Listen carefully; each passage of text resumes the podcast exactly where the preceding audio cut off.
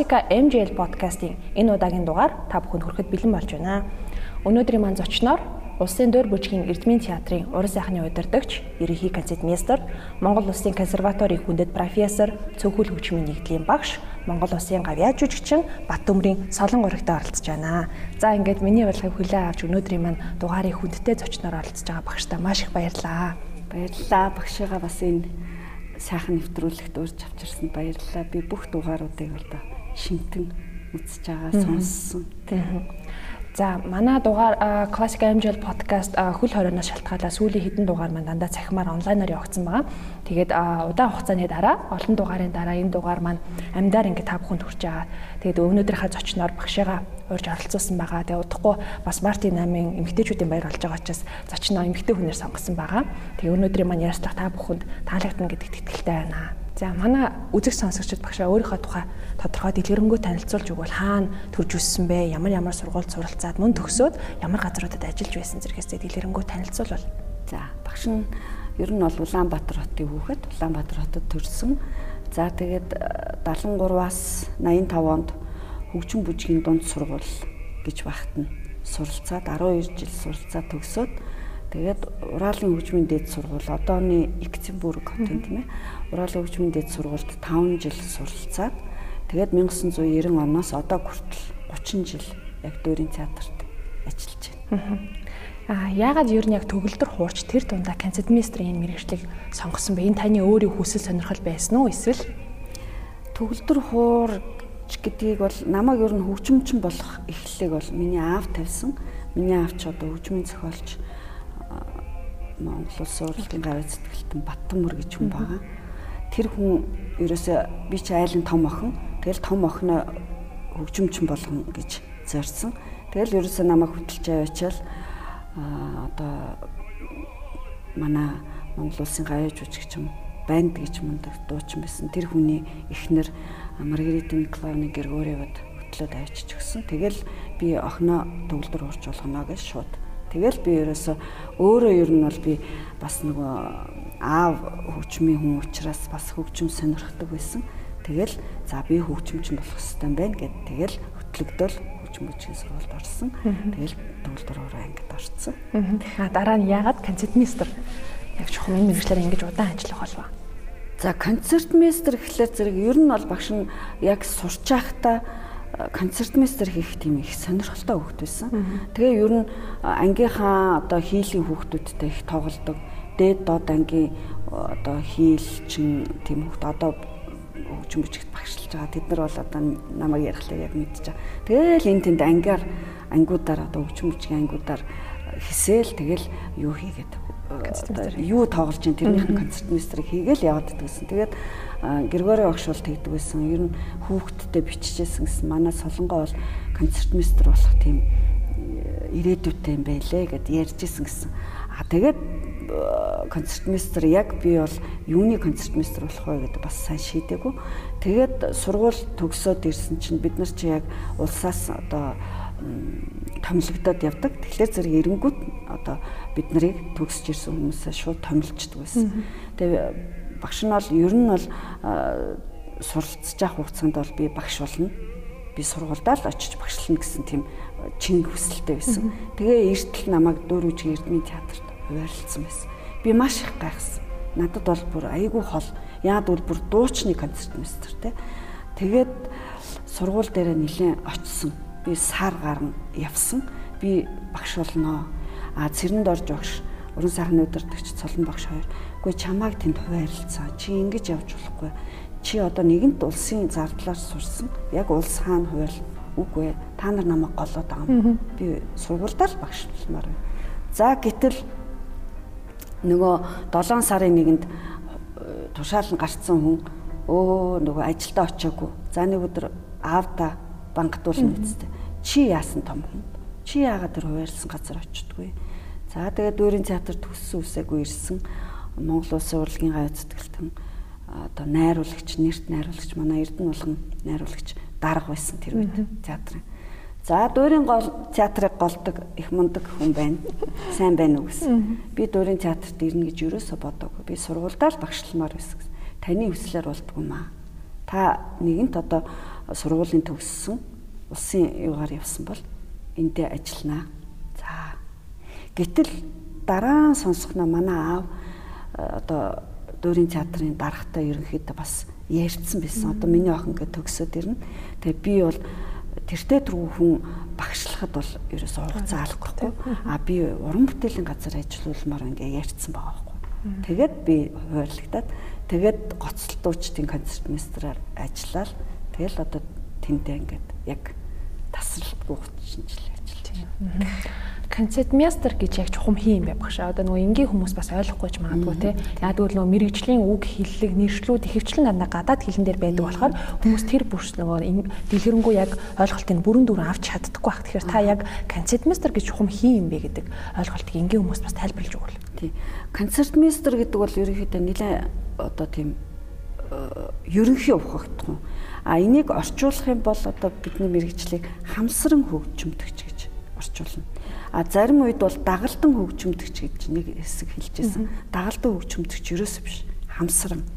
Тэгэхээр зэрэг хамсран хөгжимдөгч гэдэг бол концертмейстер хүн бол ер нь бүжгийн, дуурийн дулаачийн, хөгжимчний, ардын хөгжимчний, тэр дотроо одоо сонгодог хөгжимчний, эсвэл одоо бүр англиад явах юм бол хийлих, виолончелих, үлээврих гэд бүр ингээд цаашаа бүр хуваагдаад явчихна. Тэгэхээр зэрэг энэ бол хамсран хөгжимдөгч гэдэг ухагдсан.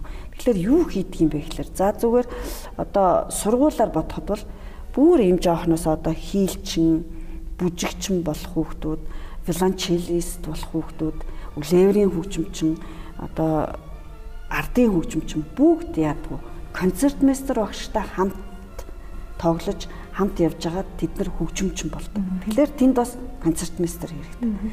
За одоо дуурийн дуулаач, дуурийн одоо концертмейстер гэхлээр дуурийн дуулаачийн одоо гоцлол дуучид мэдээж эхлээд тайзан дээр гарахаасаа өмнө концертмейстертай сургууль хийж концертмейстертай бүх парт одоо юу дуулах юм те тайзан дээр юу дуулах юм юу гаргах юм тэрийг бүгдийг концертмейстертай хийн.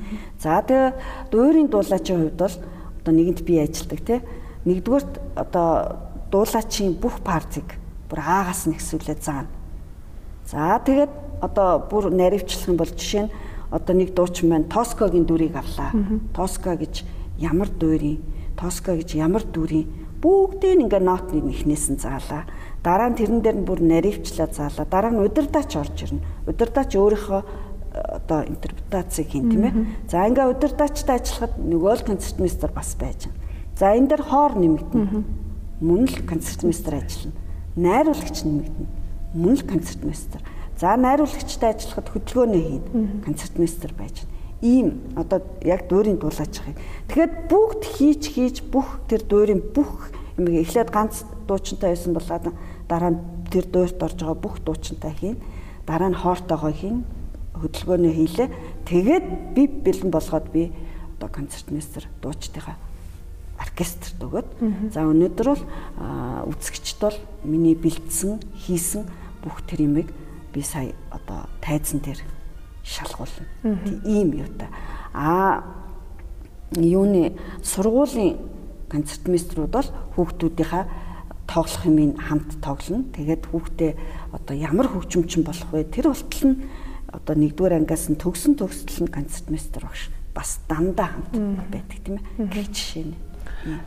Тэгвэл яг энэ олон төрлийн концертмейструудаас дуулаачийн концертмейстер яг юугаараа онцлог давуу талтай мөн хүндрэлтэй бэрхшээлтэй байдаг юм байна.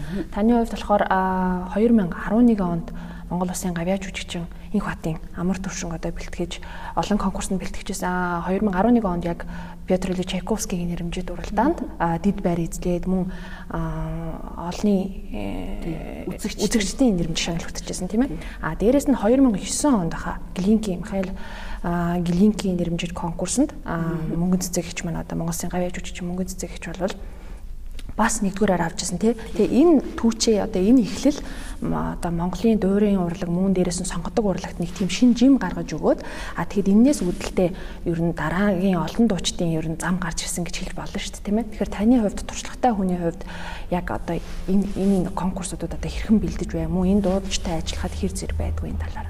За эхний юунд одоо яг дуучин хүний концертмейстер байх нэг талаар сайн тал нь гэвэл дуучтай дагаад их олон газраар явдаг. Тэгээд олонд бас танигддаг. Аа нөгөө тал нь бол дуучин гэдэг бол өөрөө их тийм хэцүү зэмсэгтэй хүн шүү дээ. Зүгээр нэг юм жижигхэн юм улаан хоолой. Улаан юм одоо жижигхэн одоо юу гэх нэг юм утас ч юм уу тэрэн шиг тийм байдаг одоо дуучин хүний зэмсэг нь маш одоо нарийн маш нандин маш одоо имзэг тийм ээ. Тэгэхээр зэрэг би дуучдынхаа дуучны концертмейстер бол дуучныхаа юу дуулж байгааг нэгдүгээрт маш сайн судалсан байх хэвээр. Хоёрдугаар дуучныхаа хоолойг энэ ямар одоо ингээд олон дуулуулахад ямар вүлээ ганц дуулуулахад ямар одоо тэр дуучин маань хоолойн цар нь ямар вүлээ хурдан ядардаг үлээ хурдан одоо юма одоо сурахтаа хэр удаан билээ хурдан билээ одоо жишээ нь ингээд парт сурах чинь янз бүр шүү дээ. Зарим нь бол өөрөө сураад ороод ирнэ. Зарим нь бол өстой яг концертмейстераар мөдүүлнэ. Гэх жишээ нь ингээд олон хүнтэй харьцдаг. Олон хоолойтой харьцдаг. Тэгээд нөө зэмсэг нь их эмзэг. Тийм учраас тэрийг их сайн мэдсэн баг хэвээр. Хоёрт би өөрөө нэгэнт дуурийн дуулаачдын концертмейстер учраас дуурийнхаа талаар бол маш сайн мэдлэгтэй байх хэвээр. Одоо удирдаач ороод ирэл ингээл явхад чинь ямар темптэй явах уу те тэр э, одоо оркестрийн партиг төгөлтөр дээр авчирсан байгаа ш. Тэгэхээр зэрэг тэрийг маш сайн судалсан байх хэвээр. А дуучтаасаа хоёр юм уу одоо нэг юм хоёр толгой дээр одоо сайн мэдлэгтэй боловсралтай байх хэвээр. Тэгээд дээрэс нь концертмейстер гэдэг хүн маш сайн төгөлтөр уурч байх хэвээр. Манад нэг юм буруу ойлголт байдгийг. Одоо соло тоглож чадахгүй одоо мэрэгчлээ муу хүүхдүүд концертмейстер гэдэг тийм ойлголт их олон жил явсан. Тэр үгүй. Маш сайн төгөлдөр урж байгаа хэвээр. Бид нар чинь маш их одоо нарийн юмнуудыг тоглоно ш. Тэгэхээр зэрэг энэ дээр бол ерөөсөө тийм өрөөсгөл бодолтой байж болохгүй. Концертмейстер гэдэг хүн бол маш гоё мэрэгчл шүү дээ. Тэгээд а яг энэ олон улсын конкурсанд бол урд нь бол манай дуучид одоо Бурядын театрын ардын жүжигчин, Бурядын Оросын ардын жүжигчин Линхавойн Дарим. Дарим бол энэ Монгол дуучдыг конкурсанд явах үе таалгыг нээж өгсөн. Маш мундаг концертмейстер. А тэр хүний нээсэн замаар за Даримтай ч одоо Монгол улсын гавьяа жүжигчин Гамбат орж илаа, манай сайн баяр орж илаа. Тэгээд энэний дараа би ботсон. Би одоо нэгэнт ингээд дуучтай олон жил ажиллаа. Одоо би нэг конкурсанд явж үзье. Тэгээ миний анхны олон улсын конкурс бол Ганбатын одоо байр эзэлдэг Чайковский нэрмжтэй конкурсанд Ганбат дөрөвдүгээр эзэлсэн. Тэр конкурсанд би гурван дуучинтай явсан. Манай Монгол улсын гавьяа жүжигчин болт одоо Италид дуулж байгаа манай урнаа тэгээ манай дүүрийн театрын гоцлол дуучин гавьяа жүжигч Эрдэнэ туяа энэ гурвыгаа бэлдээд ер нь нэг орж үзье гэд очоод ороод тэмцээн гэж юм байдаг юм байна. Ялангуяа Чайковскийн тэмцээн гэдэг чинь одоо их л биднэрт амар тийм том сонсогдож байгаа. Тэгэд энд анх удаа дуучтай соогоод орж үзсэн. Тэгээд тэндээс би ер нь их тийм өөртөө ихтгэл авсан. За болох юм байна. Тэгээ олон дуучин сонссон, олон концертмейстерийг сонссон. Тэр уралдааныг тэр чигтэн сонссон. Тэгээд өөртөө их том ойлголттой ирсэн. Тэгээд Глинкийн нэрэмж дуралдаанд анх удаа би одоо оролцохдоо мөнгөн цэцэгт оролцсон. Тэгээ хоёулаа харин тэндээс маш том амжилт үзүүлээд одоо Монголд анхны одоо нэгдүгээр байр авчирсан тийм алтан медаль авчираад тэгэл ингээл надад бол уран зориг өгөөд за ингээд би ер нь дуучтай бэлтэж орох тийм болох юм биш шүү. Солонгоо чамд бас ирээдүй байна. Бас болох юм байна гэх тий. Тэгээд өөртөө урам авсан. Ингээд дараагийнх нь маш том уралдаан бол 11 онд Чайковскийн нэрмж дуралдаанд амар төвшөнтэй оролцоод хоёр бас анхны гэдэг тийм амжилтыг авчирсан. Ингээд энэ бол ер нь Монголын одоо концерт маструуд төгөлдөр хуурчд бол одоо олон улсын тавцанд дуучтайгаа бэлтгэх хэмжээнд хүрсэн байна гэдгийг анх ингээд нээж тэгээд тэндээс одоо замыг гаргаж өгсөн гэж би боддгийг а Монгол улсын гавьяа жүжигчин дуучин амар төвшөнгө бол та бас анх олон уралдаан тэмцээнд ингээд бэлтгэж ер нь одоо энэ явж байгаа одоо үндэс суурийг бас тавилсан хүний нэг гэж ойлгож байгаа. Тэгэхээр яг чухам анх амар төвшин гэдэг дуучин одоо тантай хэн холбож байв? Та одоо нээж илрүүлвүү одоо тэр үеийн тэр турсамжаас авалцсан бэл. Амар төвшин юу сургуульд сурч байхдаа одоо учиртай гурвын дөрвөн уралдаан гэж байдаг шүү дээ. Тэрэнд оролцоод хоёрдугаар ирээдэлж байсан. Тэгэхэд бол сонсож байсан. Тэр чинь нөгөө манай дээр дуурийн театр дээр жүжигтэн тоглодог шүү дээ бүтэн.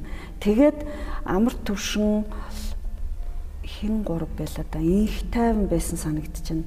Тэгээд одоо жавхлан төгсөн. Энэ гурав гурван одоо баритон манай дээр бас тоглолтоо хийчихсэн. Тий. Одоо тайлан тоглолт хийчихсэн. Тэгэхэд бас ингээд сонсож байсан. Тэгээд за ийм сайхан хоолойтой одоо хүүхд байна да гэд. Тэгээд яг амар төвшинг төгсөөд юу хаад ерөө багш. За солонгоо багшаа би энэ хүүхдэд танд ингээд хүлээлэг яа. Та одоо энэ хүнийг одоо энэ хүнийг ингээд цаашаа одоо таны мэдлэлд ирлээ гэд. Тэгээд амраа бид хоёр танилцаад ийм сайхан хоолойтой дуучин орж ирж гээ. Манай одоо игнэнттэй дуурийн театрын гоцлтууны игнэт. Ингээл бид хоёр хамт одоо хамтарч ажиллаад эхэлсэн. За тэгэл орол амар төвшин маань жижиг дөрүүдээс эхлээл тэгэл а одоо ерөнхийдөө дуурийн театр тоглогдсон дууруудын ихэнх баритоны гол дөрүүдийг бүгдийг ер нь дуулсан шүү тий. За тэгээд бид хоёрын хамгийн анхны уралдаан бол Чайковскид бүртгүүлсэн байсан. А бүр яг анхны уралдаан бол одоо Вишневская Вишневская яг энэ Вишневскаяд чинь би нэг таван дуучинтай явж исэн. Тэгээд тэнд яг уу хэдүүлээ сайхан манай амраад гэдгийг тоосоо өргөж байсан гэх тэрэнд чи манай Хүрлбаатар явсан, Уянга явсан, Ариуна явсан. Тий одоо ингэж хэлэхгүй бол хүмүүс бас бодож байгаа ш нөгөө ятсан болгондоо л төрүүлээд байдаг гэж бодож магадгүй. Тэгээд тэр уралдаанд чинь манай инх тайван байр юу шагналт байр эзлэлүүдээ тий. Тэгээд бид нар чинь нэгдүгээр төрөөсөө одоо гарцсан. Тэгвэл тэндээс бол манай дуучид бол маш их юм одоо одоо өөртөө авсан. Хэрвээ хүн одоо дүгнэлт хийдэг бол тэ заавралдаан гэж юм байна гэд. Тэгээд сайхан Москва үзээ, сайхан ирсэн. Тэгээд маш олон дуучныг сонссон. Тэгэл ер нь олон улсын уралдаан гэж ямар байдгүй гэдгийг бас мэдрээд ирсэн. Тэгээд яг дараагийнх нь уралдаан бол улаан удад зохиогдсон Байкал гэж олон улсын уралдаанд хамгийн анхны уралдаан Тэгээд тэрэнд чинь бас манай амраа чи нөгөө Чайковскид бэлтжижсэн болохоор явах уу явахгүй гээ эргэлзэжсэн. Тэгээд би бодсон л доо. Ер нь бол хоёлаад Чайковскид очиод очихоос өмнө энэнд ороод бас нэг э, дуулаад өөрсдийнхөө мэдрээд тийм ээ өөрсдийнхөө бас жоохон дуулж формд ороод ингээд ирээ та гэд тэгээд яваад тэнд одоо тэргүүн байр эзлээд Тэгээд competition гэдэг уралдааны одоо эрхийг аваад ирсэн. Тэгээд э, одоо амраад бүр их одоо өөрт их ихтгэл бид хоёрт бол маш их ихтгэл одоо гарч ирсэн. За тэгээд тэр Вишневскаяд явж хахад бид хоёр ч н одоо анхныхаа продюсер буюу анхны юу Сергейтэй танилцсан. Тэгээд Чайковский уралдаан э, нэг гоё онцлог нь бол бүх юм цаанаасаа одоо тэнцсэн л бол бүх юм цаанаасаа тэгээд нөгөө бичлэгээ явуулаад тэнцэж байгаа байхгүй. Тэгээд одоо дуучин хүн чинь бас ингээл уралдаанд явхад наазах нь зардлын мөнгө хэрэгтэй очоо байрны өрхөд тийм юм ерөөсөө хэрэггүй. Тэгэхээр чин зэрэг зөвхөн дуулахтаа анхаарна гэсэн. Тийм анхаарад би болохоор зөвхөн дуулахт нь анхаарад ингээд бүх юм нэг юм тохироонд бүрдсэн. За тэгээд энэ том уралдаанд одоо хоёрдугаар байр, дид байр буюу үзэгчдийн нэрмж шагнал авсан. Энэ бол надад бол хоёрдугаар байраас илүү үзэгчдийн нэрмж шагнал тэр Санкт Петербург гэдэг одоо дэлхийн том соёлын төвд тийм ээ тэр үзэгч нар бол маш том өндөр өндөр соёлтой өндөр одоо шалгууртай тийм сонсогч нар амар төвшинг үзэгч үзэгчдийн шагналаа өгнө гэдэг бол энэ надад маш том шагнал санагдчихсан. Би тэрэнд маш их баярлж байна. За тэгэл араас нь хоёулаа ч одоо Францд явлаа. Тэгэл нэлийн эд уралдаанд хамт явсан. Тэгээд л одоо тэндээс манай амраагийн одоо гадагшаа дуулах тэр тэ юунд нь бол үзэгчд одоо гадны одоо хүмүүсийн сонирт хүрсэн ах гэж боддгийн. Тэгээд зөвхөн амар төвшөнтэйгоо ч яваагүй би ч одоо глинкийн одоо мөнгөөс хойно ахаад 2 3 уралдаанд одоо дуучид бэлтгэсэн. Энд бол манай анх хоёр дид байр эзэлжлээ. Манай Хүрл Батар дид байр эзэлжлээ. А дорж цэрэнгийн хин Бат Эрдэнэ тусгай байр эзэлжлээ. За тэгэл одоо миний бүр одоо нэгэнт уралдаан гэж ярьсан чи хамгийн анхны конкурс бас Монголд болсон хамгийн анхны учиртай гурын дөрийн уралдаан байдгийг. Энэ уралдаанд би залууч байсан өөрийгөө ч ерөөсөө мэдэхгүй хамт орё гэсэн бүх дуучинг авч ороод 13 дуучинтай оролцож ирсэн. Тэгээд миний хамгийн анхны одоо тэргүүн байр бол хамгийн анхны уралдаан Монгол улсын Өдлөмрийн Баатар ардын жүжигчин профессор Пүрв доржийн нэрмжт айрын ярамасын уралдаан 93 байна уу 94 онд болсон. Тэр бол миний хамгийн анхны конкурс. Тэгээд тэр уралдаанд би 13 дуучинтай оролцож ирсэн. Тэгээд энд оролцоход миний хамгийн анхны одоо эмхтэй эрэгтэй хоолой гэж тустайсан. Э, одоо нэгдүгээр өрийн шагнал авч исэн дуучид бол Монгол Улсын ардын жүжигчин Жавдсан Дулам а эрэгтэй хоолоо орол Монгол Улсын гаяа жүжигчин Гамбат. За тэгээд манай гоцлтуучин Монгол Улсын гаяа жүжигчин Болд 3 дугаар өр эзлэлүү 2 дугаар эзлэлүү тэгэл манай одоо Монгол Улсын гаяа жүжигчин Долгормаа гэж байр эзэлж ирсэн ингээл олон дуучин тэр жил байр эзлүүлээ. Тэгээд би ер нь бас их урам авсан. Өө уралдаан гэж юм. Тэгэл ер нь Монголын тэрнээс ихсүүлэл Монголд зохиогдсон бүх уралдаанд дуучтай одоо бэлтгэж оруулсан сүүлд шарвгаан уралдаан болсон шүү дээ. Шарвгаан уралдаан болсон. Тэгэл ер нь энд ямар л уралдаан цохиогдно нөгөө л солонгоо дуучтайгаа оролцож байдаг. Тэгвэл багшаа таны очир тоглож байсан, оролцсон тоглож байсан театр, танхимуудын одоо таны сэтгэлд хамгийн их одоо хоногшиж үлдсэн тэр дурсгалтай тэр тоглолт нь юу байсан бэ? За миний тоглолт гэдээ ярих юм бол би дөнгөж төгсөж ирээд 90 онд төгсөж ирээд 91 онд бурайд Бурайдын одоо нэлээ хідэн хотуудаар Бурайд улсын те баригадаар явсан. За тэнд бол Монгол улсын ардын жүжигчин урт насан ардын жүжигчин хавлааш Монгол улсын гаяа жүжигчин бүтэд Монгол улсын ардын жүжигчин одоо жаргал сайхан гэд энэ ийм мундаг дуучтай би баригадаар явсан. Тэгээд улаануудын одоо театрт анхныхаа одоо тоглолтыг хийжсэн тэр бол надад их сэтгэлд айгүй их тод үлдчихсэн. Тий. Аа тэгээд тэр баригад явахын өмнө би чинь дөнгөж төгсөж ирэнгүүтээ 8 сарын 1-нд ажилд ороод 8 сарын 30-нд Монгол зөвлөлтийн одоо соёлын өдрүүд гэж болж ирсэн. Тэрэнд явж ирсэн. Тэгээд бид нар Москвад тоглож ирсэн. За тэгээд одоо оюутныхаа асуултанд хариулахад их одоо конкурснуудаас хамгийн одоо надад үлдсэн юм бол мэдээж бүх заалнууд их гоё бүх заалнууд мундаг байсан. Одоо тэр Чайковскийн консерваторийн Малый заал байна. Аа тэгээд Глинкийн уралдаанч нь Поповын одоо юу нэг академи дээр академийн заалд заалд болдог. Маш гоё заал. Одоо хоорын тий акустик гоё то. А энэ бүхнээс хамгийн их тод үлдсэн юм гэвэл одоо амраа маань байр эзлээд тэгээд яг нь нэгдүгээр хоёрын дуучид нөгөө гала концертанд ордог. Тэгээд бид хоёр гала концертанд орох болсон гэд одоо гэр гівэд дуудаад тэгээд төвлөр ууртай та яар одоо ороо гэд тэгээд бошоо бошоо зал консерваторийн бошоо зал бид хоёр аав ээжээр хоёрыг амраад болоод би тоглосон. Тэр бичлэг надад YouTube дээр байдаг тийм. Тэр бол надад аяйгуу том сэтгэл. Яг бол тэр консерваторийн большой залд бол хэн болгон тоглохгүй ш. Тэрэнд ч одоо суралцчихсэн оюутнууд нь гос экзамна өгдөг тий. Тэгээд мундаг мундаг одоо хөгжимчлэн хамтартай уран бүтээлч бүгд очиж одоо концертад тоглодог. Гэтэл би амар төвшин гэдэг сайхан дуучныхаа одоо юугаар тэгээд тэнд би тогссон. Тэр тайзан дээр гарч үзсэн. Тэр надад их том сэтгэл төрчихсөн. Яг энэ нөгөө конкурсны дараа одоо Амраа ах маань Монгол Улсын гавьяа жүжигчин болсон мөн таны хувьд болохоор яг концертмейструудын төлөөлөл болж одоо Монголд анх удаага Монгол Улсын гавьяа жүжигчин цолыг хүртсэн тий. Тэгээ энэ тухайгаа бас хаалцвал. Тий нөгөө мөнгөн цэцэг бүтээр анх удаага олон улсын уралдаанаас нэгдүгээр байр авчирсан гэд хосоор нь одоо дуучинд нь буюу концертмейстрийн бас тэр үед одоо үнэлээд бит хоёр хоёулаа одоо гавьяа жүжигчин гэдэг сайхан эрхэм цолыг авсан.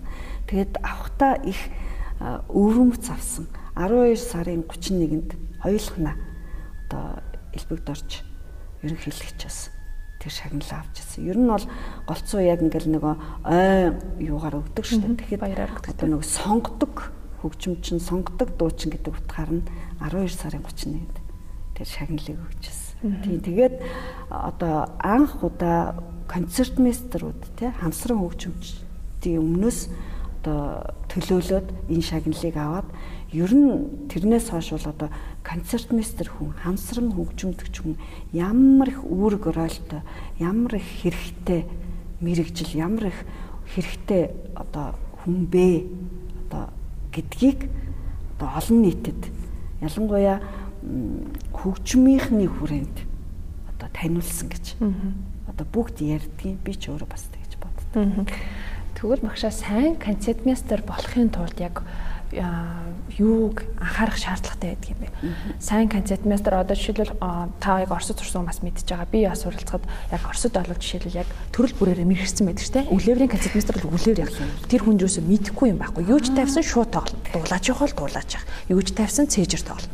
Тэгэхээр яг ингээд нөгөө мэрэгшиж ингэхэж яг энэ мэрэгжилтэд мэрэгшхийн тулд одоо яг энэ байгаа суралцж байгаа залуу хойч үе минь бас юун дээр анхаарах шаардлагатай юм байна. За хамгийн түрүүнд одоо төгөлдөр хуураар сурч байгаа хүүхдүүдэд хэлэхэд концертмейстер болно гэдэг бол маш их сайн төгөлдөр хуурж байх хэрэгтэй. Хамсран хөгжимдөгч гэдгийг маш сайхан мэрэгжил шүү гэдгийг одоо аюу сайн мэдэх хэрэгтэй. За тэгээ концертмейстер хүн бас би боддөг юм а байглаас бас төрдөг баха. Яг бол энэ бол маш том мэдрэмж.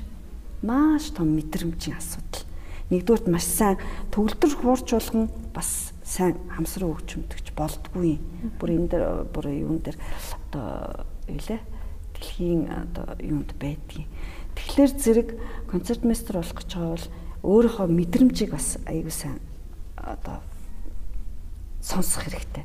Тэгээд хэр зэрэг сонсголтой байна тий хөгжимчнийг яаж одоо хөгжимтэй хамсран хөгжимд нь дуучинтай хамсран хөгжимд нь тэрийг яаж сонсч чадж ийн гэдгийг бас одоо ингээд сурч байхдаа өөрөө бас бодож явах хэрэгтэй. Тэгээд концертмейстер хэрвээ болно гэж өөрөө хэрвээ одоо бага одоо сурч байгаа хүүхд бодож байгаа бол маш их юм унших хэрэгтэй. Маш их нот унших хэрэгтэй. Рөөс хамаагүй. Гээл нот уншаад хийлийн доотох юмыг унших хэрэгтэй. Одоо хийлтэй хамсраа хөгжимт нь одоо бүх юмнуудыг одоо жишээ нь гар бичмэл юмнуудыг бас аюу унших хэрэгтэй. Аа одоо үлээврийн концертмейстер бол аюу их технический их юм тоглодог. хийлийнх байна те. Аа тэгээд ардын хөгжмийнхний одоо тэр юунуудыг хөвчлэн гаргаж байгаа те. Тэгээд нот их унших хэрэгтэй. Нотыг маш их унших хэрэгтэй. Тэгээд өөрийгөө шалгаад дээш нь доош нь одоо хөрвүүлдэг шүү дээ. Тэрийг бас хийж явах хэрэгтэй.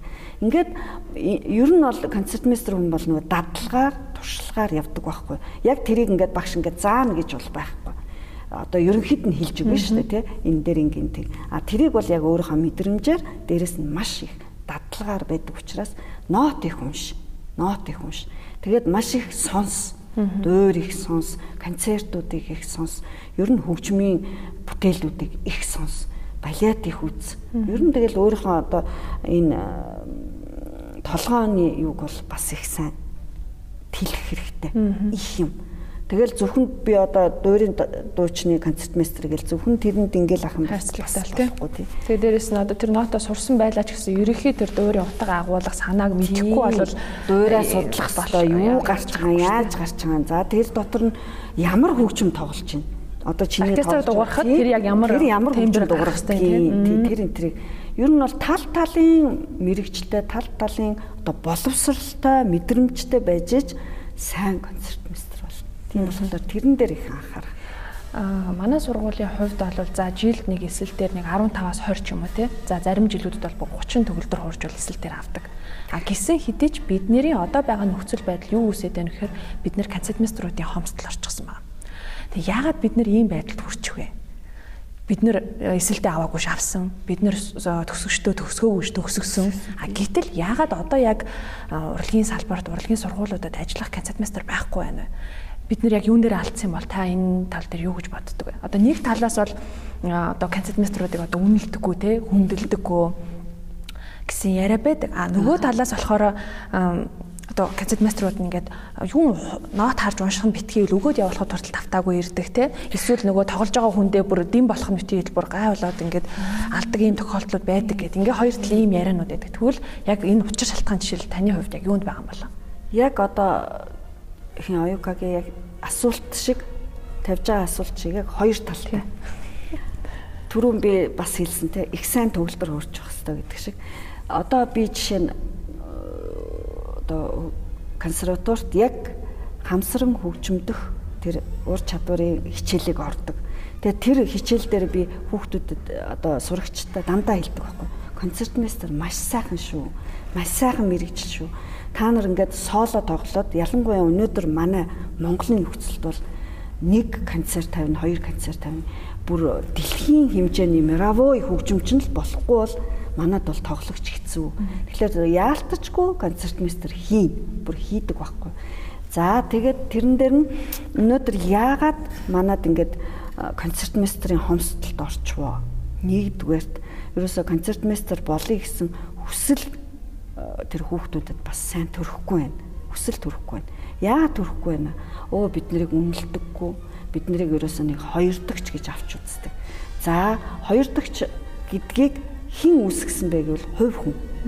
Хоёрдогч байхгүй тулд өөрөө маш сайн давтах хэрэгтэй. Өөрөө тэр урдах ноото маш сайн уншдаг байх хэрэгтэй. Бэлэн байх хэрэгтэй. Одоо намайг төгсөөл ирэхэд За миний хөө энэ дуурийн энэ айрыг сурчаараа тэгээ дараа нь хоёлоо орё. Үгүй. Шууд нөгөө нотнуудаа тавиал, шууд нөгөө дуурийнхаа партийг тавиал, шууд удирдаач орж ирээл, найруулагч орж ирээл. Тэрэнд бэлэн байх хэвээр. Тэгэхээр зэрэг энэ нэгдүгээр одоо чадваргүйгээсээ олж үнэлүүлэхгүй. Аа багш нар буюу одоо дуучид буюу энэ концертмейстертэй хамсардаг хүмүүс чинь бүгд том одоо нөгөө шалгуур тавина шүү дээ. Тэр хүүхдтэй тоглохын тулд өөрөө бэлдсэн байх хэрэгтэй байхгүй. Хичнээн нэгдүгээр ангийн жоох хүүхдтэй унцаа умцаа байсан ч гэсэн бэлтгэх хэрэгтэй.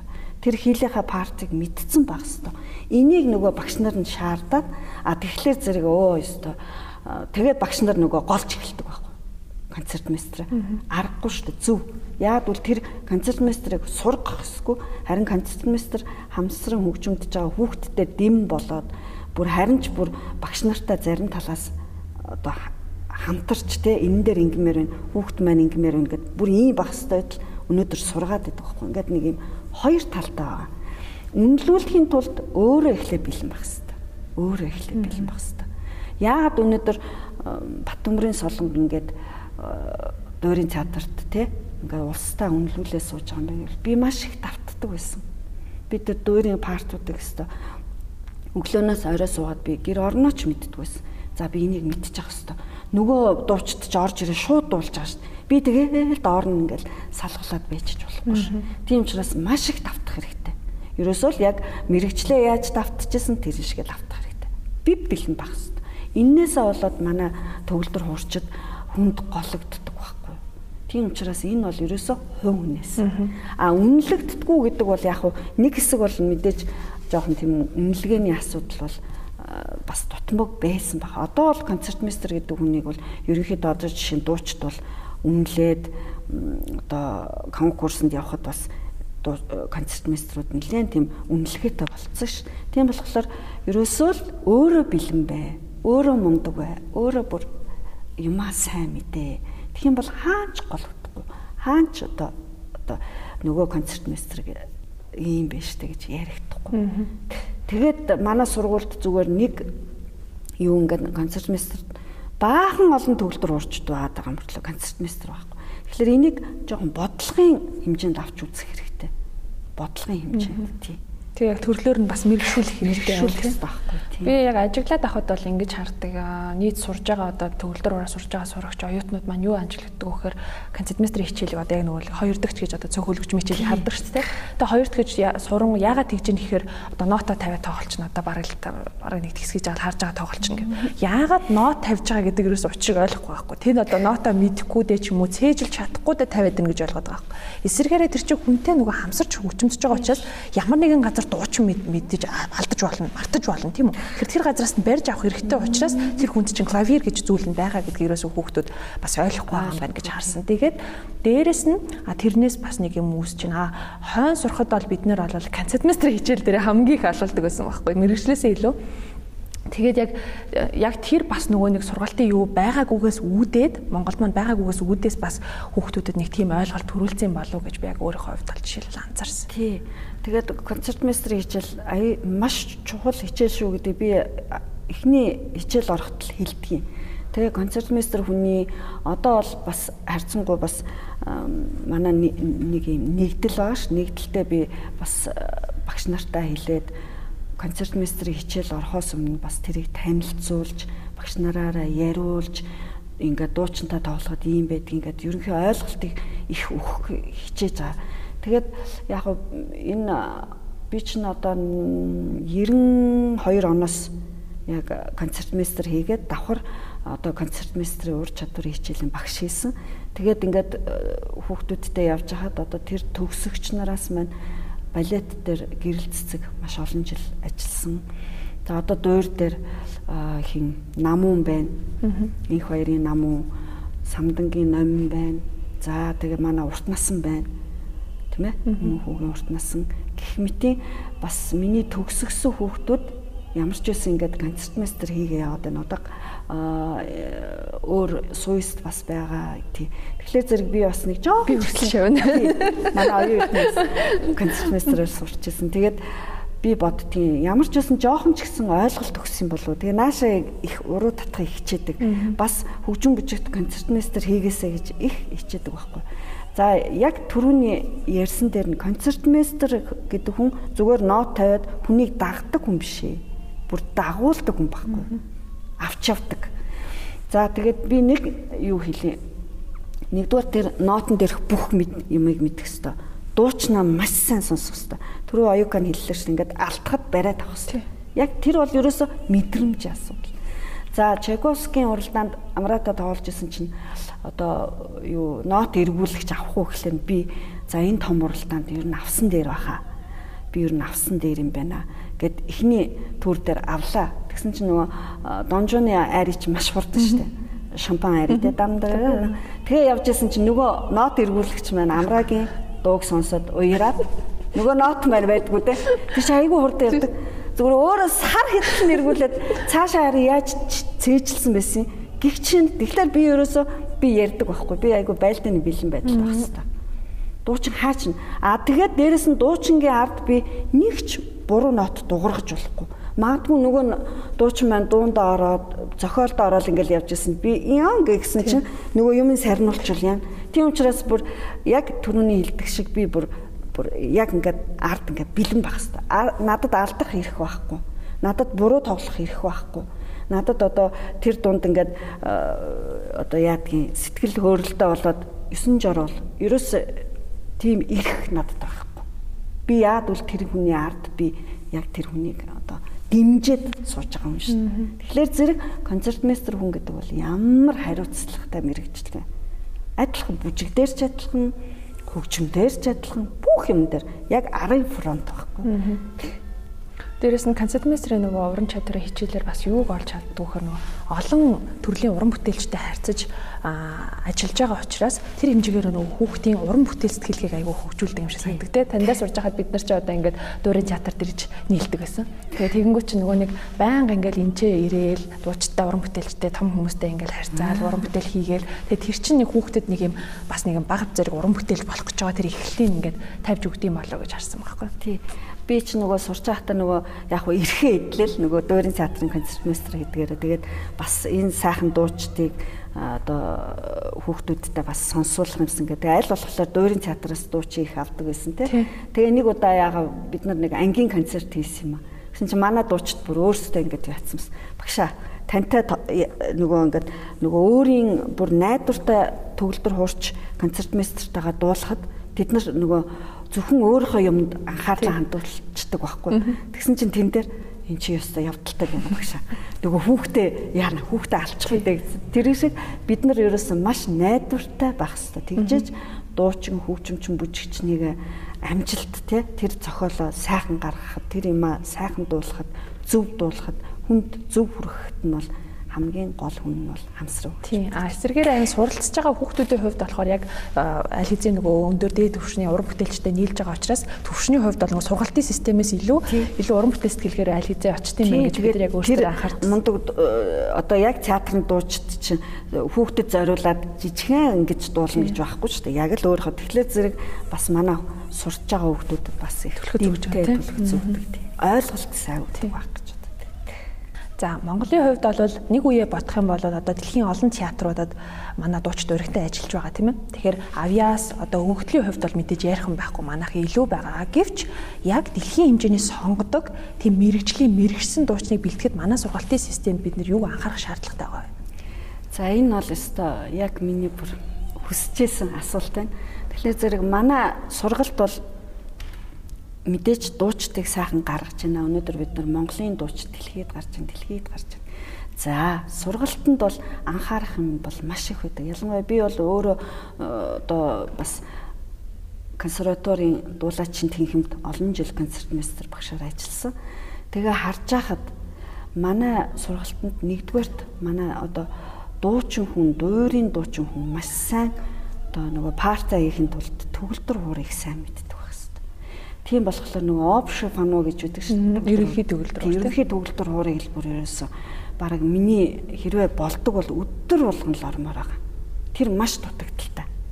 За дуучин хүн өшөө маш сайн онол мэддэг байх хэвээр. Онол, гармон, сонсгол. За тэр хичээлийг бол ерөөсөө сургуульд хөл тавьснаас нь дуусан дуустал нь өдөр болгоно. Би бүр тэгж бүр хэлдэг байхгүй энэ хоёр бол одоо дуучин болох маш том суур. Ингүүгээр бол өнөөдөр манай дууч зарим айгу ядарч шít. Бас хэцүү байна. Чи аргагүй дээ. Сайхан зөвхөн хоолойг бид нэр гоё нөгөө нэг зүгээр чулууг бид нэр гоё болгох гол янзлж байгаа. Тэрэнд чи их юм орно ш. Тэгэхээр зэрэг энэ хоёр том юм айгу дутагддаг. За вокалны багш нар бол манайх бол одоо юу голдохооргүй сайн багш нар байгаа. Мундаг дуучдыг гаргаж байна. А вокал тал дээр юу анхаарах вэ гэвэл манайх пред классик буюу одоо анхны тэр нь одоо классикаас өмнөх тийм классикаас өмнөх пергалес одоо юм бид тэд нарыг маш бага байна. Маш бага явж байна. Сургалтын програмд. Энийг бас би хилээл байгаа, хилээл байгаа. Өөрөөсө шууд том айрын руу тэгэл нэг хитгэн айрын эргэлддэг. Шууд нэг том монгол дуу руу орчдөг. Тэгээ нөгөө яг юу яагаагүй боловсроогүй хоолоон дээр тэр бол яадгүй. Би манай одоо ардын жүжигчин долгор ихч тэгжсэн шүү дээ. Хойно Свердловскийн консерваторид одоо дуулаач юу нь яад гэсэн чи намайг зөвхөн төгсөхдөө за яах вэ нэг монгол дуугаа дуул гэсэн. А 3 дугаар курс хүртэл ерөөсө дандаа перед классик. Одоо нөгөө хоолойг сайхан юу яах тийм ээ бэлтгэж өгч байгаа байхгүй тийм өгөх тийм. Тэгэхээр зэрэг перед классик буюу одоо дараагийнх нь Моцартыг их дуулах хэрэгтэй. Моцарт. Тэр бол дуучин хүнд нэгдүгээр нөгөө хоолонд нэрэхтэй хоёрт нөгөө айгу чимхлүүр юм их тэндээс олж юм те. Ганц дуучиж биш хөгжимчд гэсэн чинь ярьдаг шүү. Классик тоглоод Моцарт гэдэг тоглонгод хөгжимчин яг шав шалтнаар харагдаг гэж байгаа байхгүй ямар ч нөгөө юу педалаар ч юм уу даалтлах өнгөлөг юу ч байхгүй. Тэгэхээр зэрэг сургалтандаа манай вокалын багш нар энийг анхаараасаа гэж боддөг. За тэгээд нэг чухал юм хэл. Хэл хэл хэл За манай концертмейстрүүд ч гэсэн одоо бэлтгэгдэж байгаа концертмейстрүүд ядаад италиар уншдаг байх хэрэгтэй. Италиар бүр дуучтай болж байгаа үйл явдлыг хилээд өгдөг бол бүр сайн. Орос хэл. Бүх манай материал, бүх сургалтын одоо нот, материал бүх юм орос дээр. Орсыг маш сайн мэддэг. Итали хэл дуучин хүн ялангуяа. За энэ нь бол давхар концертмейстрийг би бас анхаараарай гэж давхар хэлчихье. За тэгээд Франц хэл, Францаар уншдаг байх хэвээр. Германаар гэд хэл хэлний мэдлэг өстө бүр бас их чухал. Ядаад уншдаг байх. За дуучид бол бүр ойлгодог байх. Тэрийг уншаад. Би хамгийн түрүүнд ингээл ялангуяа концерт одоо дуучинтайгаа ингээл парт эхлээд байна. За хөө энэ дээр юу гэж байгаа хоёул ална гэж гэнүү тална гэж гэнүү хайрлна гэж гэнүү тэрийг мэдэхгүй хоёлаа тэгээд ингээ харанхуу байхлаар чи юу болох вэ гэд ингээд эхэлдэг баг энийг их анхаармаар байгаа. Хилний хичээл. Манайхан яг Итали хэл ордог юм шиг байна. Хүүхдүүд маань энэ дараа нь энэ дуучин хүнд ямар хэрэгтэй вэ гэдгийг мэддэггүй. Хичээлээ маш их таслана. Сонсголын хичээлийг оошоож үзэхгүй, гармоно оошоож үзэхгүй. За ов шиг бүрээ оошоож үзэхгүй. Гэтэл төгсж ирээд дуурийн театрын гоцлол дуучин болоод сая толгоор ундон гэдэг байхгүй. Би тэрэндээ орж авахгүй. Магадгүй нөгөө нэг хэл гэдэг чинь багш нөгөө сургалтын системд бол яг нөгөө үндсэн нэг системээр л явдаг шүү дээ. Одоо нэг ойр зургийн ингээл нэг төвшөө ахиулаад. А тэгвэл яг үнэхээр л дуурийн дуулаач болох гэж байгаа юм бол яг тэгвэл дуурийнх нь партитур дээр ч юм уу шууд юун дээр клавир дээр нь орчуулах хэл гэдэг ч юм уу одоо шууд тэгэж магадгүй тэгэж хичээл ордог байл бас илүү үр дүнтэй гэж одоо бид нар сургалтанд илүү шинэлэг юм оруулах хэрэгтэй байна одоо өшөө чангаруулах хэрэгтэй байхгүй. Тэр хүн чинь гол зорилго нь гадагшаа гарч ярих гээд байгаа биш шүү дээ. Ерөөсөө яг тэр дуулаачих юм сурах гэж байгаа шүү дээ. Тэгэхээр шууд тэрэн дээр нь ажиллаж бас. Одоо тэгэл төгсж ирсэн одоо дуучид орж ирэл нөгөө конкурсанд бэлтнэ. За тэгэл нэг айрын юм уу нэг романс яваал. За энэ дээр юу гэж байгаа юм гэхээр зарим мэдгүй. Ээ гомч гэсэн минь. Тэгээ юу юу мэдчих дуулаад чи тэгээд онц авч ирсэн мэдтэй энийг дуулаад гэхлээр тэгсэн багш Тэгээ юу мэдчих юу мэдэрс. Тийм болохоор манай бас сургалтын концертмейстер багш нар энэ дээр маш сайн анхаарах хэрэгтэй. Юуны тулд концертмейстер багш гэж нэрлэдэг байгаа тийм ээ. Концертмейстер багш. Тэгээд ерөөсөө за ингээл нөгөө дагаад хөгжмөдчдөг. Үгүй ээ. Буруу левел зогсоож явах хэрэгтэй. Яг нотон дээр Verdi гэдэг хүн одоо цэгтэй нот байвал цэг цэгийг бүр заавал хэлэх хэрэгтэй бүх юмыг яг нотон дээр байгаагаар хэлэхгүй ингээд л ерөнхий явал ирээл засаад ахлаар чинь би бүр гайхаад байдаг байхгүй. Нэг адилхан нотоор тэр тэнд сурч байгаа. Нэг адилхан нотыг би тавьж байгаа. Тэгэхэд би засвар хийгээд байдаг байхгүй. Тэгэхээр энэ бол ерөөс сургалтын юунд их чангалах хэрэгтэй. Манай концертмейстрүүд багш бас их чанга байх. Театрын соёл гэж багшаа яг юу юм бэ? А нэг үе ботхоос сонгодог урлаг сонирхогч маань ер нь маш олширч байна тийм ээ. Тэгэхээр тэдгээр хүмүүс маань театрт ирэхээс өмнө юуг одоо урьдчилж мэдсэн байх, мөн бэлдсэн байх шаардлагатай байдаг юм бэ? За театр гэдэг бол бас манайхан манай дуурин театрыг ариун сүм гэж их ярих дуртай тий. Театр гэдэг бол манад бол хөгжөөд одоо 70 жил л болж байна. Сайн ярих юм бол А Европ одоо тэр улсуудад бол 3 400 жилийн түүхтэй тийм ээ. Тэгэхээр манай үзэгч нар бол дуртай үзье гэсэн хүмүүс ирж байгаа. За эднэрт би юу анхааруулах вэ гэвэл чаддаг бол одоо нэт одоо бид нэр үзэж харах юм айгүй илбэг болсон. Энд үзэж байгаа юмгаа чадвал тэрний юуны тухай ингээд уншичаад ирвэл өөрт нь айгүй амар. Аа нөгөө эн чин тэгж хэлж байгаа юм биш үү? Эн чин ингэж байгаа юм биш үү? Тэрийг айгүй сайн За тэгээд хөгжим сонсох гэж ирж байгаа, дуучин сонсох гэж ирж байгаа. Балетын тэр сайхан одоо харах юугаар тий балетыг орж ирээд ерөөсө ярьж болохгүй гэдгийг их сайн анхаарах хэрэгтэй. Соёл гэдэг бол нэгдүгээрт чанга чанга ярьж болохгүй. Хажуугийнхаа хүн юм сонсох гээд байхад хажууд нь чанга чанга. За тэгэл манайхан ч одоо идэж уугаал нөгөө шашааг үздэг шиг одоо баахан ундаа жүүс одоо бүх юм бол байж. Аа тийм хамгийн гол соёл цагтаа ирдэггүй. Цагтаа ирдэггүй. Бид нар чинь бүр хаалгаа хаалгаа л яваад цуураал энэ цуураал энэ нөгөө удирдгал хөгжим эхэлч нэгдүгээр үзэгдэл явж байна. Тэгээ орж ирээ загнана. Би орж үзмээр байна Яг бол тэр чи ороод үзэж байгаа ялангуяа тайзан дээр байгаа дуучдаж гэсэн хэцүү шүү дээ. Ингээл нүднийх нь ингээл нүгэнд бүр. Хамгийн нэгдүгээр цаг. За манай театр бол энүүгээр айгүй мундаг шүү дээ. Яг 00-д хөшгөө нээдэг. А манайхан яг нөгөө гадны байгууллагууд шиг бодоод яадаг. За цаг. Энийг бүр өстө үзэгч түмэндээ маш их бууж шүү. Манай театр 00 нээдэг. За тэгээд орж ирээд шуухгүй бах тийм ээ. Тэгэл цаас маас одоо шарчигнуулахгүй байх. За тэгээд үзэж байгаа юмныхаа тухай тодорхой ойлголт авчаад ирчвэл өөрт ч амар шүү. Өөрт ч айгу дөхөн болно. За тэгээд театрын соёл хувцлалт хувцлалтаа их сайхан бодох хэрэгтэй. Мэдээж сонгодог юм үзэж байгаа юм чинь сайхан гоё. Их төлөв мөртлөө гоё. Тэгэл одоо гадны театруудад бол тэр мундаг хүмүүс ч нөгөө гоё юм хумаа гайхуулж иртэл гэсэн тийм ямар ч байсан их сайхан тийм цэвэрхэн гоё хувцлах хэрэгтэй. Ер нь тэрэн дээр анхаарах хэрэгтэй. За тэгээ өөрийнхөө үзэх гэж байгаа, сонсох гэж байгаа юмыг бас судалчаад ирэл их зүгээр. За тиймэрхүү дээрэс нөгөө бага насны хүүхдүүд айгүйх олон дагуулж ирж аа тийм бага насны хүүхд ч айгүй хэцүү шүү дээ өөрхий. Тэд нар биш та нэг сандал 30 минут сум. Хүүхдэд буруу ямар ч арга байхгүй. Тэгэл тэдний нөгөө юу анхаарал нь сарна ш. Тийм учраас хүүхдийг бол нэг ийм хүнд дуур хүнд юмд бол дагуулж ирэх. А яг тусгай хүүхдэд зориулсан хөтөлбөртэй үед бол а балетанд бол хүүхд дагуулж ирэхэд бол бас арай авчиртай. Яг бол тэр нөгөө хүүхд чинь нөгөө хүн бүжиглж байгааг харахлаараа зэрэг айгу тэрэндээ сатаардаг бас сонирхдаг байхгүй. Балет ч арай өөр. А дуур бол хэцүү шүү дээ. Тэрийг сонсоод нөгөө өөр хэл дээр ядчих дуулна. Тэгэл нөгөө хүмүүсийн яадаг өө гэж дуулчихлаар ч нөгөөдөл чи ойлгохгүй. Тэгээд хүүхд бол үнэхээр хэцүү Хүүхд бол хэцүү тий. Манай театрын хувьд багшаа урын сангийн шинжилэл одоо хэрхэн явагдаж байгаа вэ? Хэдэн жилийн хугацаатай шин дөөр балет тавигдаж байгаа вэ? За яг одоо энэ бол надад бол чи яг миний одоо өнөөдөр ажлын юунд яаж та багш нь одоо энэ уран сайхны удирдахч гэдэг ажлыг аваад яг хагас жил болж байна. Тэгээ яг энэ хооронд бол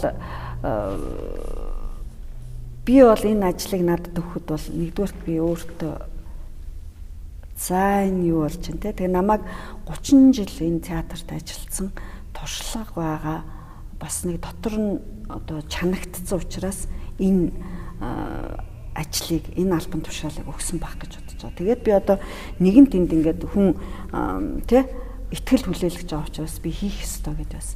Гэхдээ яг хуу энэ хооронд бол миний одоо яг уран сайхны удирдагч гэдэг ажлыг аваад би өөртөө ямар одоо зорилго тавьсан гэвэл дэлхийн стандартыг театртаа л одоо бий болгочих юмсан гэсэн тийм зорилт тавьсан. Дэлхийн стандарт гэдэг нь юу?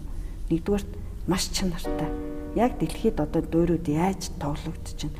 Дуучт нь дуу яг яг дуурийн дууч нь ямар хэмжээнд тэр си юм уу тэр доо юм уу дээд өнгө авах хэвээр балетийнх нь 32 авах хэвээр гэдэг ч юм уу э, оркестр хөвгтөд дуурах хэвээр бүх одоо партуудыг бүх хөгжим дуурч явах хэрэгтэй ч гэдэг юм.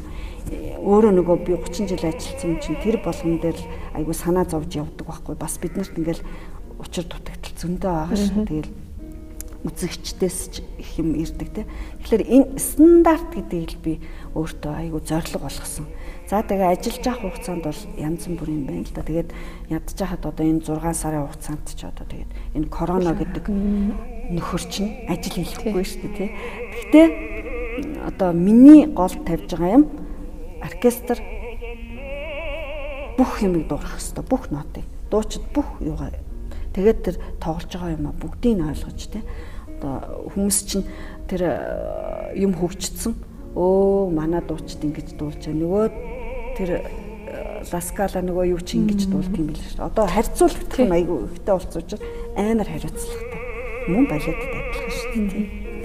Өмнө нь багшаа тэгвэл яагаад одоо манад урын санд маань одоо тогтмол одоо шинэ балет өөр ингэж тогтмол орж ирэхгүй байсан юм. Энэ яг учир шалтгаан юунд байсан? Хийхэд одоо юу шаардлагатай байгаад байдаг? Тий. Яг хоо 90-ад оны оноос хойш бол одоо тэгэл нөгөө социализмын үед бол одоо яг дээрээс ингээл бүр бодлого хийгээл те одоо энийг тавина тэрийг тавина гэх тэгээд улс нь мөнгөний яг өгдөг байсан. Бүх ажиллах болцоог нь хангиччихсэн.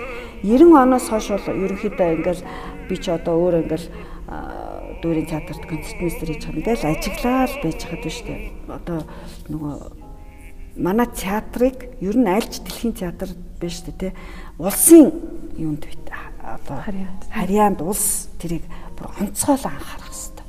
Тэгээд тэр нэг нэг дуур юм уу нэг балет тавихад ямар хөрөнгө вэ? Тэр хөрөнгийг бүр өгсөн шиг өгөхгүй бол нэг жижигхэн мөнгө өгчдөг. Тэрэнд нь ингээд тааруулаад хийхлээр ерөөсөө л таарамж муутай одоо нэг л аль талаараа л нэг юм дутуул дулмаг юм гарна ш. Тийм болохоор зэрэг би одоо яг бодохдоо л ингээд өнөөдөр дуурийн театрын уран сайхны бодлогыг авч явж байгаа хүний хувьд бол улс дуурийн театр сонгодог урлагийг бүр одоо яг өөртөө бүр ингэж анхаарч амх ёстой. Энэ бол бүр бүх улсад тийм байгаа. Тэрийг эхлээд хийж. Тий. Тэгээд дараа нь одоо уран сайхны дуур одоо шинээр тавихгүй байна ингээд тэрэн дээр нэгдүгээрт байдаг. Хоёрт нөгөө яг тавих гэхлээр манад нөгөө боловсон хүчний асуудал гараад ирдэг. Жишээ нь одоо э, би бол одоо өөрөө дуурийн дулаачтай ажилтдаг хүн. Хоолоо тутна. Одоо манад ингээл турамдууд тавь гэхлээр калаф. Калафи чинь маш олон жил дуулцсан, хоолойн тогтцсон. Тэгээд тийм дуучин дуулах хэрэгтэй. Турандот байна бас тийм ээ. Тэгэхээр зэрэг энэндээ манад тохирох дуучин юу байгаа вэ? Бид нар ингээл тенора бодол эхэлдэг байхгүй. Одоо жишээ нь манад өнөөдөр тенор хоолоо яг драматический тенор бол үнэхээр. Аа манай энэ дуучид бол өөрсдийнхөө хоол хоолойг одоо юу ягаал энэ залуу дуучид чинь яагаачгүй эрт ийм драматик парт дуулаад тэр чинь хоолой эвдрэх юм уу тийм асуудал. Тэгэхээр зэрэг боловсон хүчний асуудал. За одоо манай балет бас өнөөдөр боловсон хүчин аяйгүй тутмаг. Тэгэхээр зэрэг энэ ерөөсөө 90 оноос хойш манай одоо боловсон хүчний бодлого ерөөсөө алдагдсан. Энэ бол одоо бид нарт дээр бүр маш их мэдрэгдэж бид нарт айгүй бас ингээл алдагдах. Одоо манай бодлого алдагдахад бас ингээд юм байна. Боловсон хүчний бодлого. Өмнөх подкастуудад оролцож байсан уран бүтээлчд маань хэлж байсан л та одоо манай театр манай театрт нэгэн шаардлагатай одоо мэрэгжлийн удирдаач хэрэгтэй байна. Мэрэгжлийн найруулагч хэрэгтэй байна. Дээрээс нь манайх нэг системээрээ бас хитрхи удчихлаа. Одоо энэ системд өөрчлөлт оруулах хэрэгтэй байна гэсэн одоо тийм саналуудыг хэлж ирсэн л та. Тэгэхээр одоо яг энэ боловсон хүчин дутаад байна гэж. Тэгвэл яг энийг яг өөртөө хэрэгтэй байгаа одоо энэ шаардлагатай найруулагч нараа удирч удирдаачаа бэлтгэхийн тулд манай театрын удирдлага одоо уран сайхны удирдаач нар жоохон юун дээр яг ажиллаж байгаа юм болоо. Одоо Эрдэнэ булган найруулагч байхдаа хоёр шав бэлдээд одоо Москвад сурч байгаа найруулагчаар тий Аа одоо удирдаачаар гэхэлэр манайх дотооддоо бэлдэж байна. За тэгээд бас юунд одоо солонгост нэг хөгж сурч байгаа гэх жишээ нь яг го бэлдэж. Гэхдээ энийг штэ их оройтж бэлдсэн. Одоо тэд нар төгсөж ирнэ. Өшөө төгсөж ирээд тэд нар чинь нөгөө боловсрно. Энд дотор одоо чанагдсан штэ.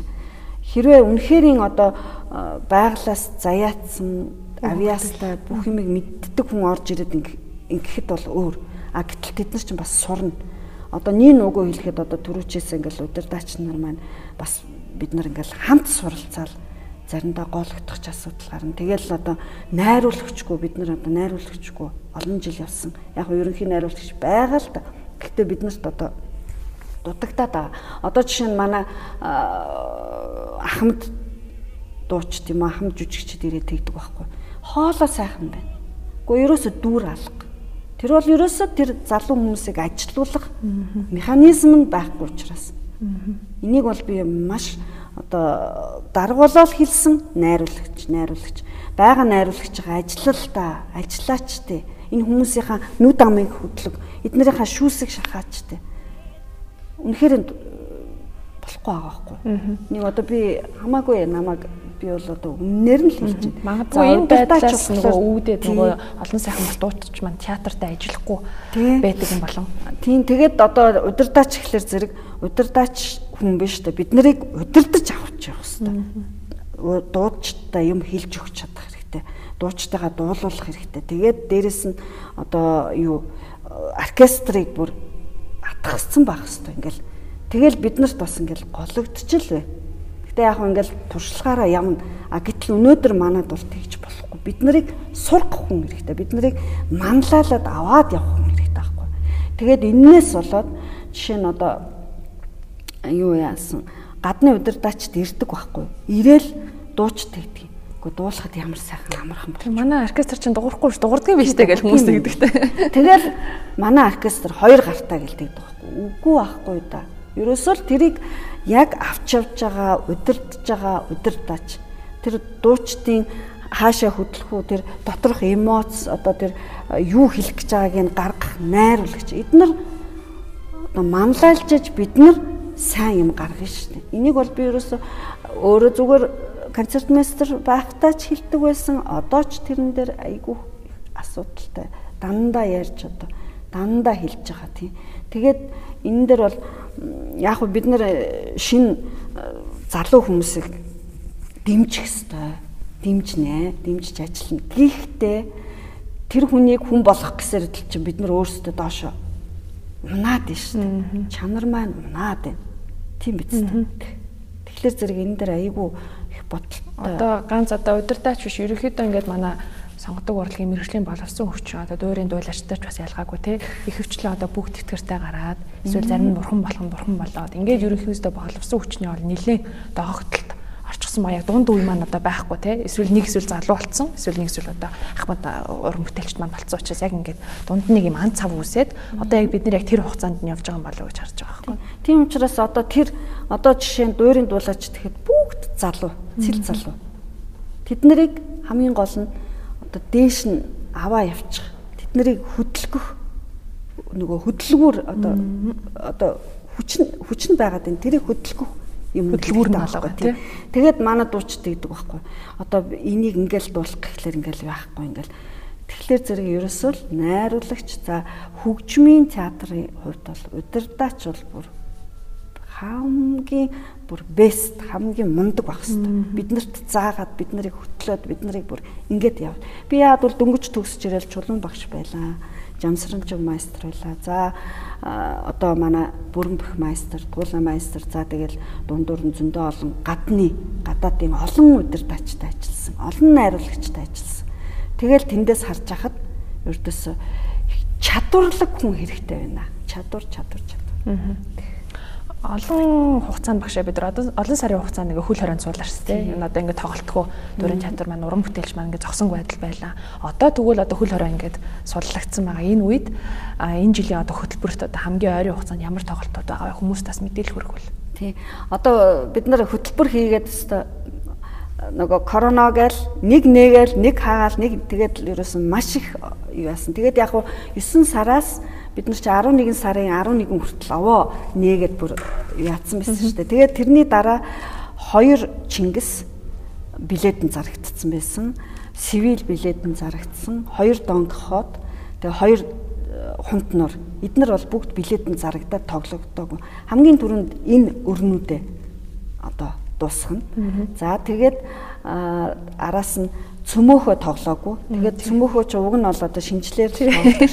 Тэгтээ нөгөө билет нь зарагдсан. Тэгээд тэрийг зохион байгуулж байгаа хүмүүс нь болохоор хүсэл тавьсан бид нар энийгээ тоглолцоо гэд. За цөмөөхөөгийн ингээ өрний асуудал.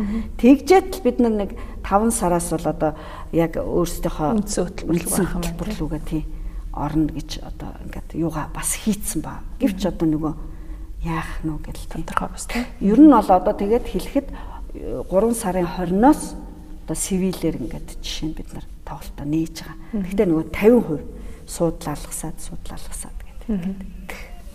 уран бүтээлч хүний багшаа ар гэр одоо хань ижил маш чухал шүү дээ тийм ээ. Тэгэхээр таны одоо ингээм амжилттай яваагийн ер нь бас нэлээд их хувийг бас таны гэр бүлийн хүн эзлэх болов гэж бодож байна. Тийм одоо дөнгөж төгсөж ирэл одоо манай ээж аав нөхөр гурав за чи энэ том газар орлоо ажиллаа л хий. Ажиллаа л хий. Тэгэл ерөөсө бус бүх арын бүх юмыг тэд нар бол даасан. Тэгэл би түрүү хэлсэн ш. Би өглөө ирээл шүн явдаг ус. Өглөө ирээл шүн. Яагад бол би нөгөө тэр бүх дууруудаа мэдэх хэрэгтэй, судлах хэрэгтэй, сурах хэрэгтэй. Тийм учраас би өөрийгөө маш олон одоо сараар тэрэн дээр.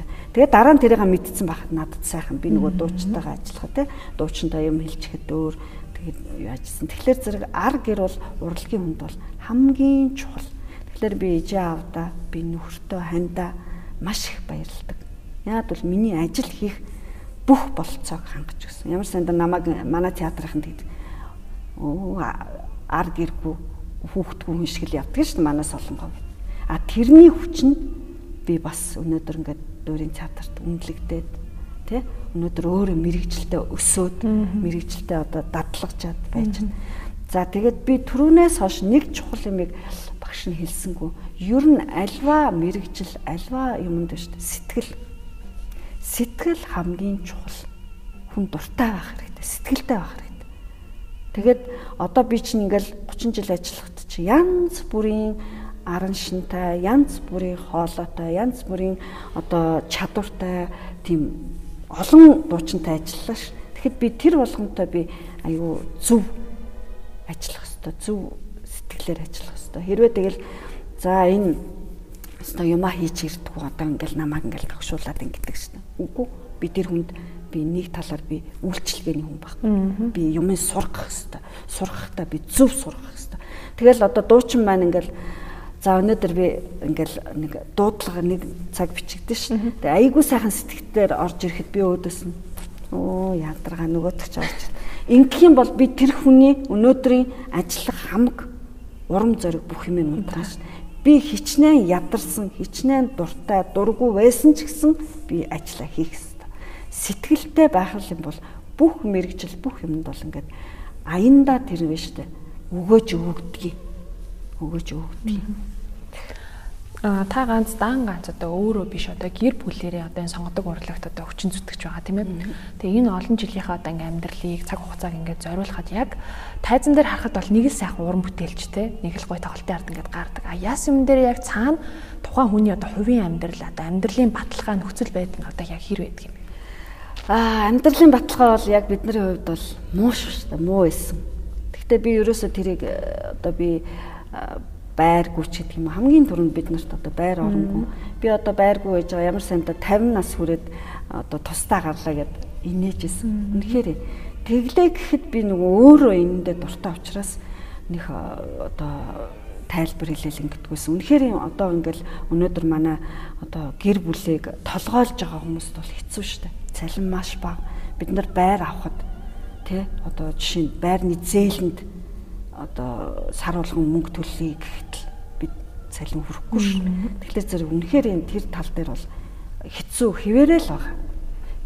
Гэхдээ хэрвээ одоо мэрэгчлээ үнэнч байгаа, сэтгэлтэй байгаа л бүтээгээл ах юм бол бас одоо хүнд нөгөө сайхан юм ирдгийм билээ шүү. Би багш нь одоо ээж автагаа хамт амьдарч байгаа л тэгэл одоо нэг байрны зээлэнд байхад би нөгөө олон конкурсны шагналын одоо миний дуучнаар те одоо шагналаасаа ингээд нөгөө хувь өгдөг ш. Тэрэн дээр суурлаад аав ээжээсээ суурлаад би ингээд байртаа болсон. Тэгэхээр зэрэг хүн юмдаа зүтгэж яхад арах нь юм бас ирдгийм байлээ. Энэ гавьяад шагнал бүх юм чи ингээд дагалтаад ирдэг. А зүгээр яг урлагийн хүн ялангуяа өнөөдөр манай театрын хувьд бол одоо үнэхээр тэр нөгөө баталгаа амьдралын баталгаа бол жоохон. Яг энэ хүнтэй хэлэх. Аа та олон жилийн хугацаанд ингээ яг багшийн мэрэгчлэр бас ажиллаж шүү дээ тийм ээ. Тэгээ олон ч хүүхдтэй ажиллаж үзлээ. За ингээд харахад энэ өндөрлгөөс одоо ингээ харахад а ерөөхдөө яг хүний нөгөө урлагийн авьяас удан бас өвлөгдөж үлддэг үү. Тэгээ олон хүүхдтэй ажиллаж байсан юм чинь бас харагдчихл байсан баг тий. Тэгээ дээрэс нь мөн багш байхын тэр нөгөө сайн сайхан тал нь бас юу юм. Тийм түрүүн багш чиний нэг асуултанд бас яасангүй. Би одоо нөгөө бас хажуудаа нэг төгөлдөр хуурчтай байгаа шүү дээ. Миний охин. Одоо төгөлдөр хуурч бас дөөр үжигийн театрын самдангийн нам тий. Самдангийн нам. Тэгээд бас ийм одоо битэр чин цалин тий ямар үлээ тий. Тэлээч гэсэн би бас хэлдэг байхгүй зүгээрээ зүгээр.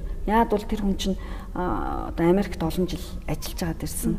Өөрийгөө өмнөлүүлж ирсэн хүн чинь энд ирээд жоохон гэл юу вэ? Ямар цалин дээр байт юм бэ? Тэгээ би би олон жил ингээ яваад ирсэн. Зүгээр одоо тэгээд цаг сайхан болохоор гоё болно. Бид нар үнэлэгдэж эхэлнэ. Хамгийн дөрөнд үнэлүүлэхийн тулд өөрөө эхлээд үнэлэгд. Өөрөө сайн бай гэж ярьдаг байхгүй. За багш байхын хувьд бол одоо урлагийн хүн байна штэ. Ингээд би их замбраагүй ярьчлаа. Урлагийн хүн ер нь бас юу өвлөгддгөө яалтчгүй Одоо жишээ нь миний аав хөгжмийн зохиолчулаа гэхэд би төвлөрд уурчилсан. Тэгэл би охиныгоо ингээл жоохонд нь ажилласан чинь ер нь авьяастай байна. Тэнгүүд л хөгжмөлөө. Тэгэхээр энэ бас өвлөгддөг. За урлаг бол мэдээж өвлөгдөхөөс гадна дээрэс нь тэр одоо заяасан авьяасыг за маш их хөдөлмөрөөр л бий болгоно да. Хөдөлмөр бол бүр өстой маш хэрэгтэй. Хичнээн сайхан авьяастай, хичнээн сайхан хүмүүс одоо өнөөдөр ингээл замаасаа чадахгүй хөгжимчин болж чадахгүй явсан хүмүүс зөндөө байна. Тэгэхээр зэрэг авьяасыг хөдөлмөр хөдөлмөр хэрэгтэй. Тэгээд ингээд олон жил багшлал ингээд харж байхад ер нь бол ихэнх одоо манай хөгжим бүжигт орж байгаа хүмүүс бас дандаа нэг тийм одоо ээж аав ч юм уу эмээ өвгөө дандаа тийм урлагийн хүмүүс бас их байдгийн шүү тий байдгийн. Энэ бол тий а яг ер нь бол яг авьяас бол байглаас эцэг гэхээс заяадаг.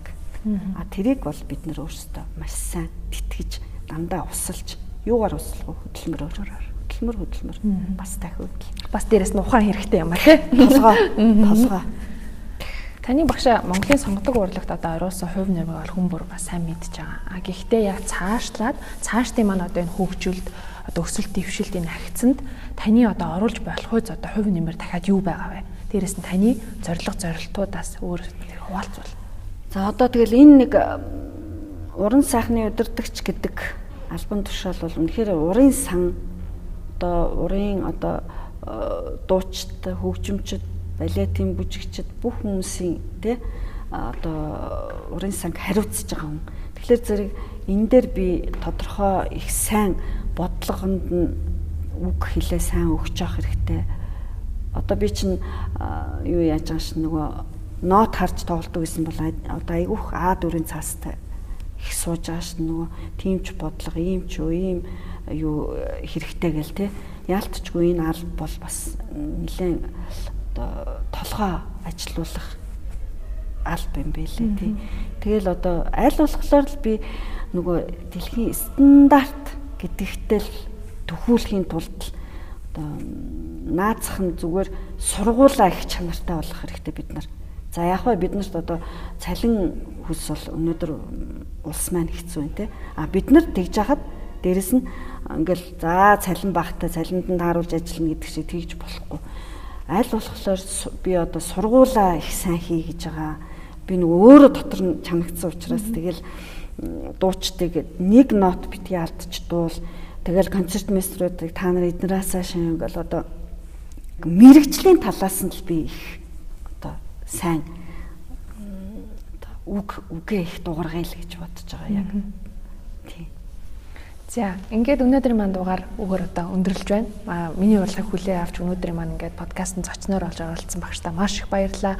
Цаашдынх нь уран бүтээлд мөн шин томилогдсон ажилд нь өндрөөс өндөр амжилтыг хүсье. За баярлалаа. Тэгээд манай хоёрд энэ хийж байгаа энэ нэвтрүүлж байгаа энэ юу бол надад их таалагдж байгаа. Энэ бол би боддгийн манай ялангуяа манай залуучууд, манай уран бүтээлчид, дуучид заавал тэнд нэг хөгжимчээ ярьж гэн гэлгүйгээр бүгдийн сонсоосоо гэдэг. Би ерөөсө дуучид руугаа дандаа бичдэг. Энийг бүгдийн сонсороо та нар бүгдийн сонсороо дандаа мэддэхгүй мастер класс мэддэхгүй хүнд айгүйх юм өгж байгаа шүү. Би өөрөө бүгдийг сонсдог. Тэгэхээр зэрэг бид нар бол э, амьдралдаа дандаа л сурч яддаг юм чинь те. Тэгээд энэ нэвтрүүлэгтээ ингээд оруулсанд баярлалаа. Хэрвээ одоо үзэгчдээсээ бас хүлцэл өчи та нарын одоо оюутныхаа асуултанд яг бүр оновчтой хариулаагүй гэж магадгүй бид нар ч нөгөө хүмүүс тийм. Гэтэ энэ нэвтрүүлэгт орсонд одоо оруулсанд маш их баярлалаа багш. Тэгээд ямар ч байсан нэг хүмүүст ойлголт өгсөн баг гэж бодож байна. За баярлалаа. Ингээд дараагийнхаа дугаараар уулзцгаая. Түр баяртай.